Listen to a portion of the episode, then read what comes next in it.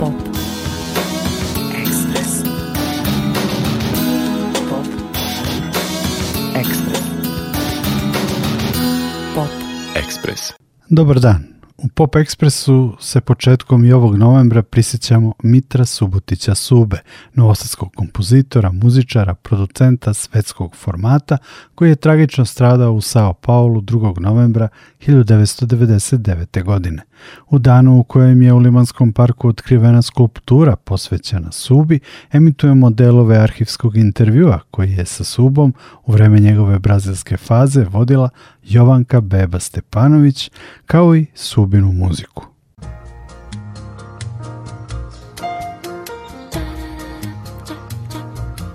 Suba je išao u osnovnu školu Žarko Zrenjanin. Diplomirao je na Akademiji umetnosti u Novom Sadu. Potom je na Radio Beogradu pohađao kurs elektronske muzike i napravio prve snimke kombinujući elektroniku i sintisajzere.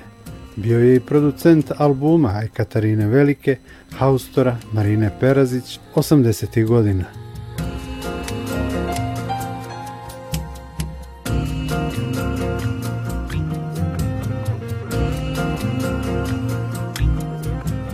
Za delo Dream Bird in the Moon Cage 1988. godine nagrađen je UNESCO nagradom za promociju kulture. Nagrada se sastojala od stipendije za tromesečno istraživanje afro-brazilskih ritmova u Brazilu. Nedugo potom Subotić je emigrirao u Sao Paulo. Sarađivao je i sa brazilskim muzičarima Bebel Gilberto, Sibel, Joaom Paraibom, Katjom B. U proleće 1994. godine sa Milanom Mladenovićem počinje rad na albumu Angel's Breath. Album je snimljen u Brazilu, a objavljen u Srbiji.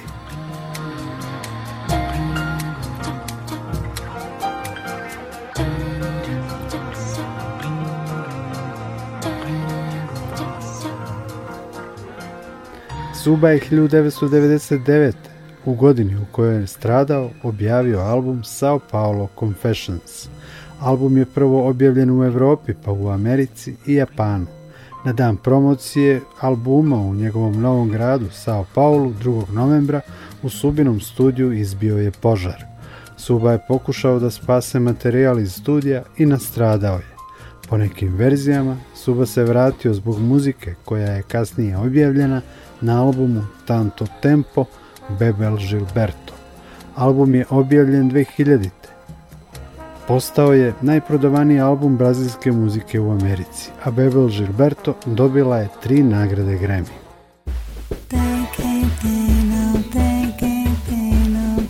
De vez em tem.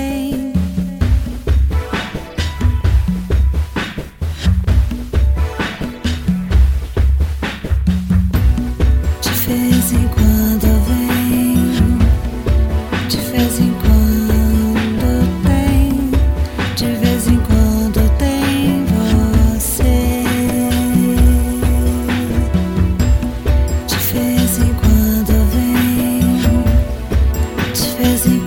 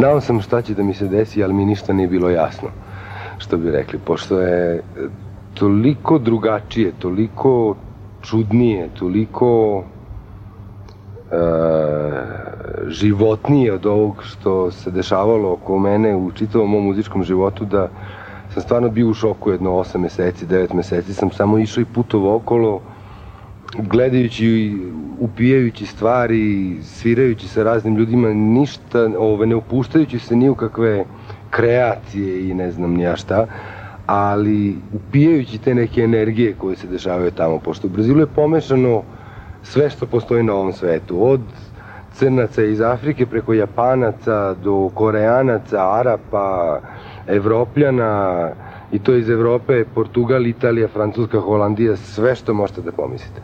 Tako da, bio jedan ozbiljan šok, pogotovo što kad dođe onaj karneval koji e, učini da čitava zemlja poludi na četiri dana, uh, imao sam tu sreću da sam išao u jednu od tih samba škola koje je inače defiluju na karnevalu, a biti u sred tih bubnjeva, oni to zovu baterija. To je 800 do 1000 ljudi koji zajedno sviraju bubnjeve, e, potpuno uvežbano.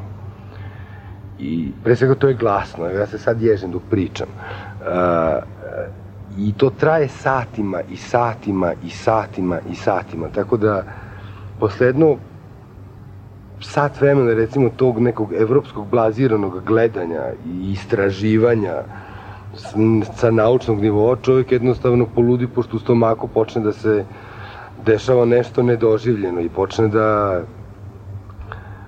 kipi neka energija koja je ne znam da li demonska ili anđelska, ali vrlo snažna u svakom slučaju. I onda kako to traje satima, po, polako čovjek uđe u, sad je malo velika reč trans, ali uh, obuhvaćenost, recimo, tim, tim ritmom i tim stvarima i to je možda najjači muzički doživlje koji sam ja imao u životu. Taj prvi put kad sam otišao, pošto svaki put je vrlo uzbudljivo, ali prvi put kad čovjek se nađe u sred te halabuke i svih tih čudnih, a ritmovi su užasno čudni, pošto je to ovo naše 1, 2, 3, 4 na što smo navikli, pa čak i onih makedonskih 11, 17, osmine i svih tih nekih stvari, to čovjek može da razume, može da ga izbroji, ali uh, te, te, te samba školne ritmovi su toliko sofisticirani, toliko stvari se dešava unutra, su to teksture kroz koje se prolazi, to su neke zavese od zvukova, pošto ima recimo 250 ljudi koji sviraju pandero. Pandero je kao daira ali bez onih stvari okolo, bez onih metalnih delova, samo sa kožicom, tako da prava ne pak, pak, pak zvuke. Ali kad ima 250 ljudi koji zajedno sviraju tih pak, pak, pak, zajedno sa 200 nekih drugih koji sviraju surdo, a surdo je kao tom tom veliki, koji ima vrlo značajan bum. I sa ne znam, 400 doboša ove vrste, 200 doboša, ne znam, šta, to postane jedno, jedno ozbiljno ludilo, e, potpuno hipnotično i potpuno značajno. I onda, to recimo Rio i San Paolo su, to im je glavna tradicija tih samba škola. Onda čovjek ode jedno 2000 km na sever, u Bahiju, gde uh, je sve to sad drugačije, pošto je mnogo afričkije, mnogo izvornije afričko, uh, gde je osnovna osnovni ritam dolazi iz religije koja se, se zove candomblé, koju su crnci doneli sa sobom iz Afrike još.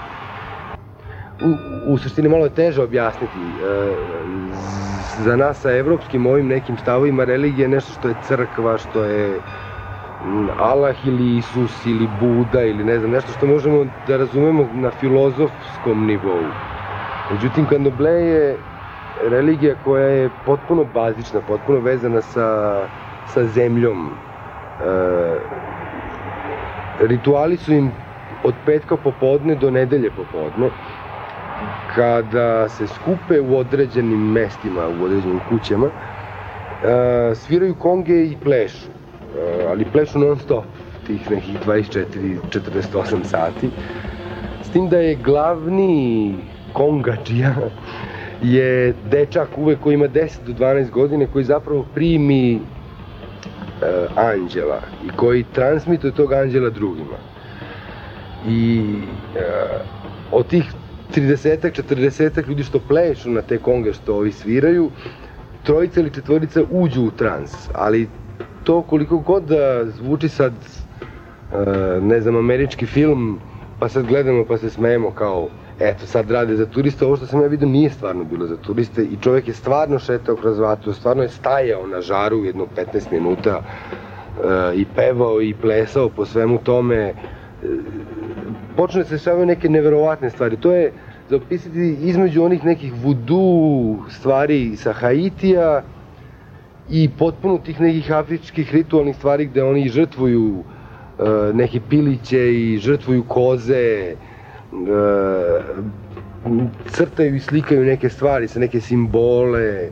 E sad, iz te religije je izašla pomešano sa robovskim plesom, su crnci da bili robovi tamo, je izašla kapoera. A kapoera je Uh, u početku bila zabranjena igra, pošto je bio način da crnci robovi uh, uče jedni drugima borilačke veštine, pošto je kapoera u početku bila borilačka veština, E, nešto između karatea i tajlandskog boksa recimo. E, uz bubnjeve i uz instrument koji se zove birimbao, a birimbao je monokord e, koji zapravo luk sa žicom i tikvicom dole koji je, je, je rezonator. I uz birimbao i uz bubnjeve su učili jedni drugima, e, su, su predavali zapravo to znanje e, borilačke veštine koje tokom stotina godina e, postao i ples i postao jedan od osnovnih ritmova isto tako. Dalje kad se ide još jedno 2000 km na sever, pošto je Brazil užasno velik, veći od čitave Evrope, stigne se do onih stvari koje su do nas stigle kao lambada, recimo.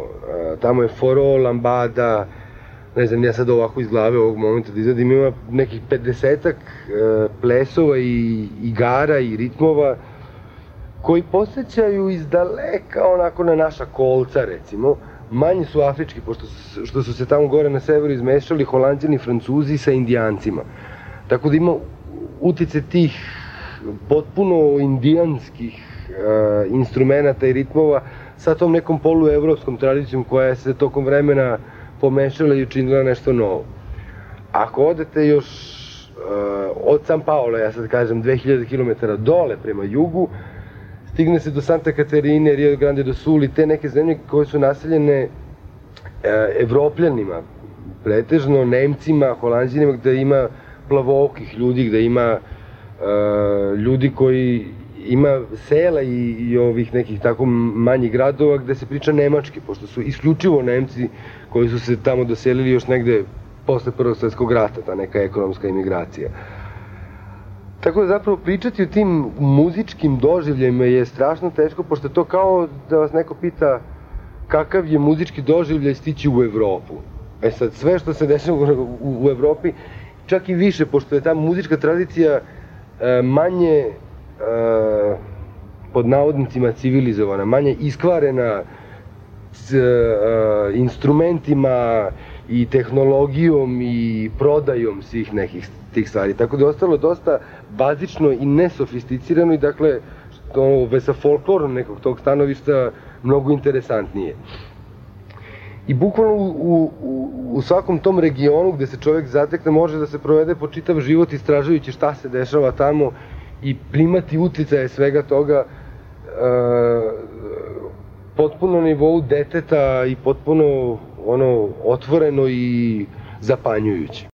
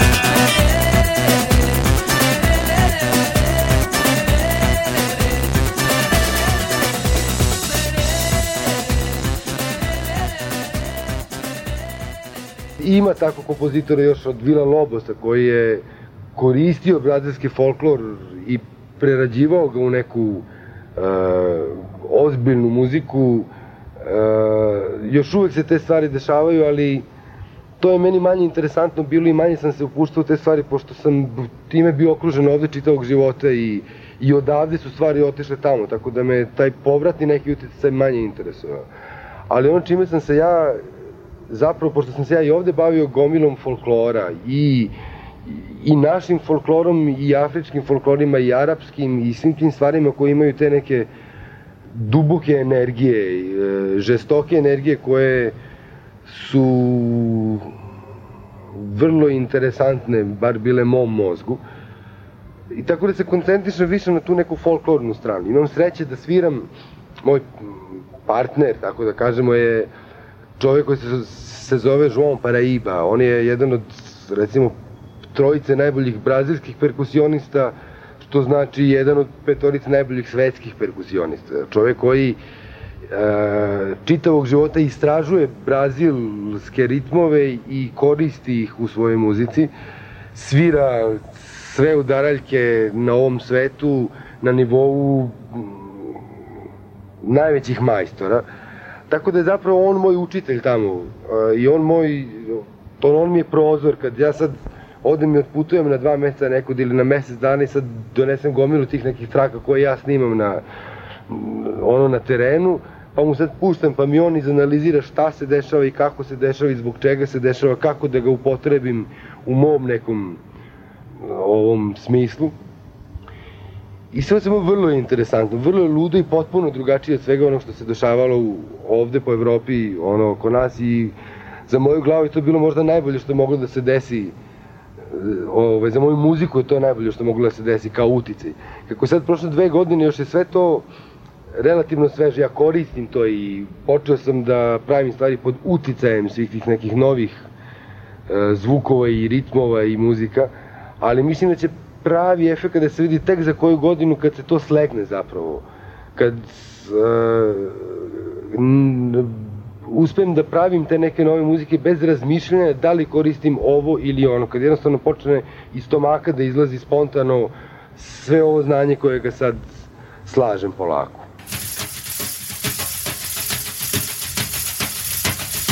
Você gosta. Eu sei do que você gosta. Azul, eu sei do que você gosta. Suor, eu sei que você gosta. O mar, eu sei que você gosta. Amar, você gosta de mim.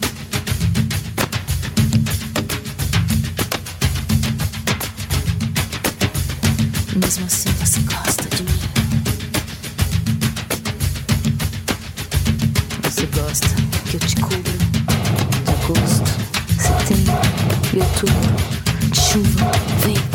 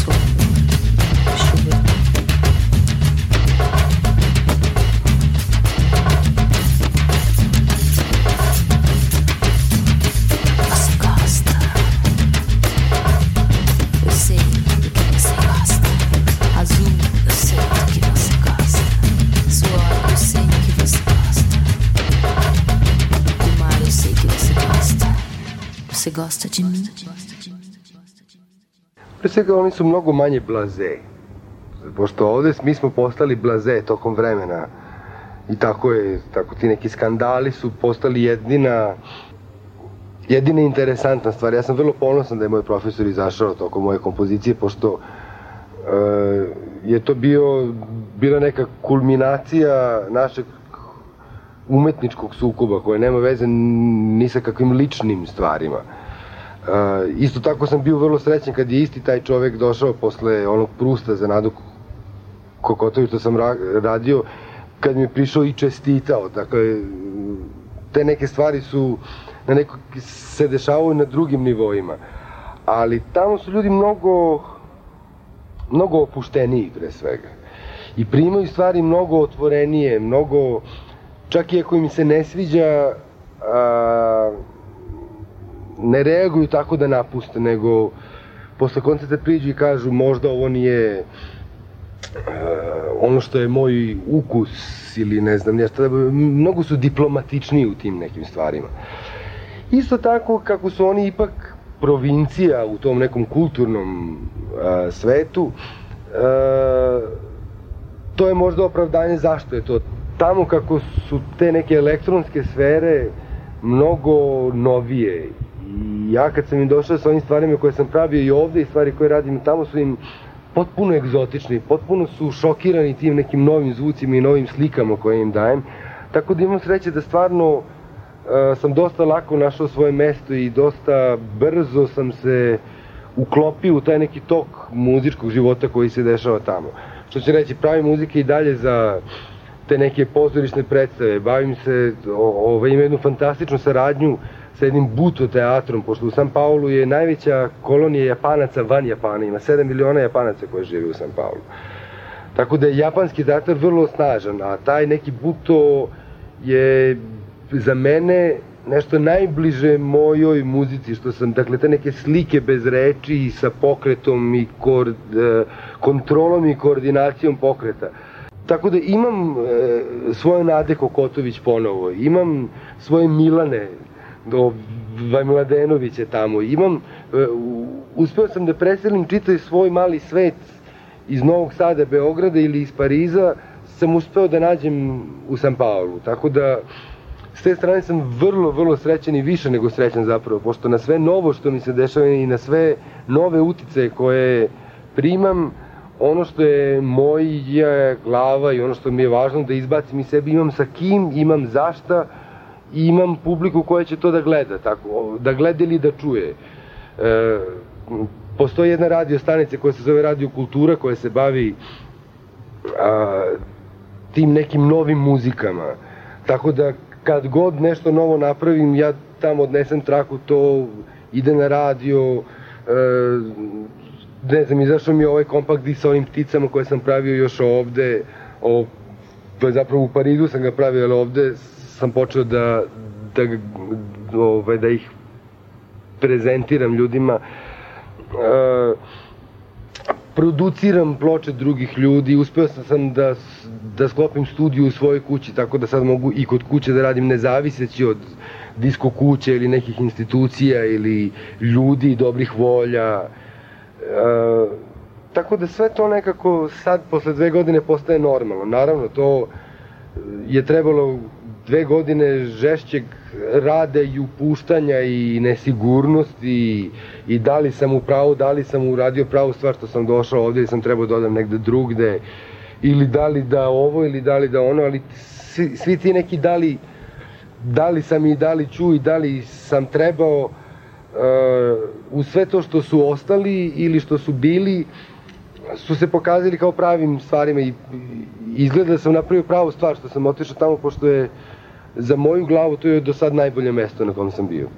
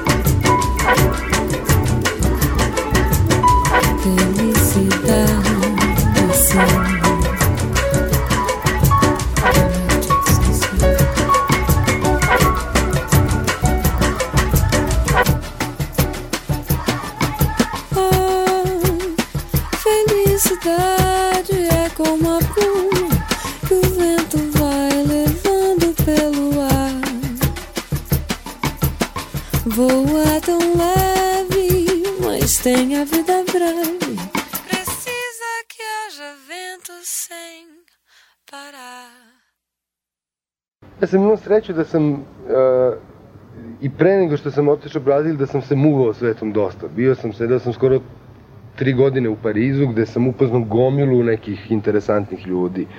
Išao sam ovam onamo. Tako da, uh, kroz te neke stare kontakte, uspevam još uvek da plasiram da pošaljem odande tako da tam neka muzika koju ja napravim stigne do Pariza i od Pariza stigne do nekog Londona, stigne do nekog Njujorka. E, nisam ja slavan, super važan kompozitor, ali e, uspeo sam da zadržim sve kontakte e, tako da mi tržište mi raste, što bi rekli biznismeni. e, probijem novo tržište i e, stižu mi sad prvi odjeci tih nekih novih stvari koje sam radio, novih muzika.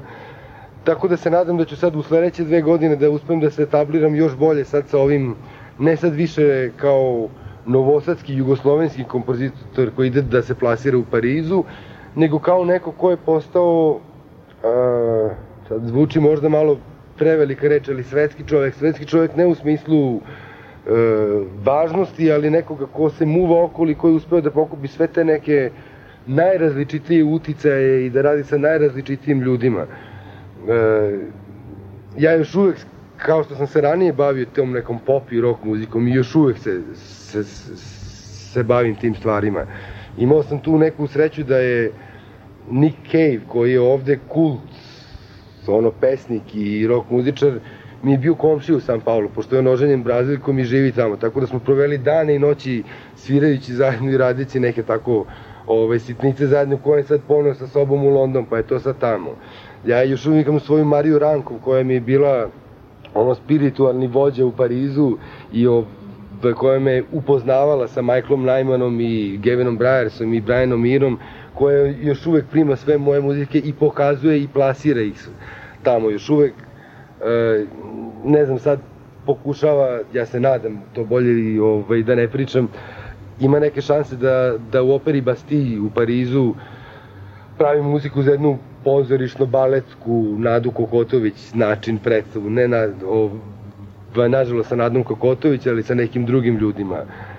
E, imam neke ljude po Njujorku koji plasiraju neke moje muzike, imam šanse da mi izađe jedan kompakt isto u Njujorku sad sa ovim kompilacijama ovih brazilskih uticaja. Kako je João Pareiba, ovaj perkusionista sa kojim sviram, neko ko je vrlo važan u tom nekom svetu, koji svira sa Ruichi Sakamotom, sa Igeno Nom i svim tim važnim Japancima, kako mu ja produciram album, tako da će moj rad i moje sviranje i moja produkcija da ode isto tako i do Japana. Ima šanse da ovaj Dreambird, ove ptice što sam ih radio još u Parizu, koje sam ovde koristio, koja je izašla ovaj ploče i kompakt u Brazilu, da će da izađe možda u Japanu i u Portugalu. Tako da, e, gomila malih stvari se zapravo dešava. Ali mislim da je to i suština života. Ja nemam, ne, nisam nikad imao neke pretenzije da budem slavan i bogat, nego jednostavno da uspevam da radim ono što volim i da od toga živim. A evo da kucam u drvo, to još uvek se dešava.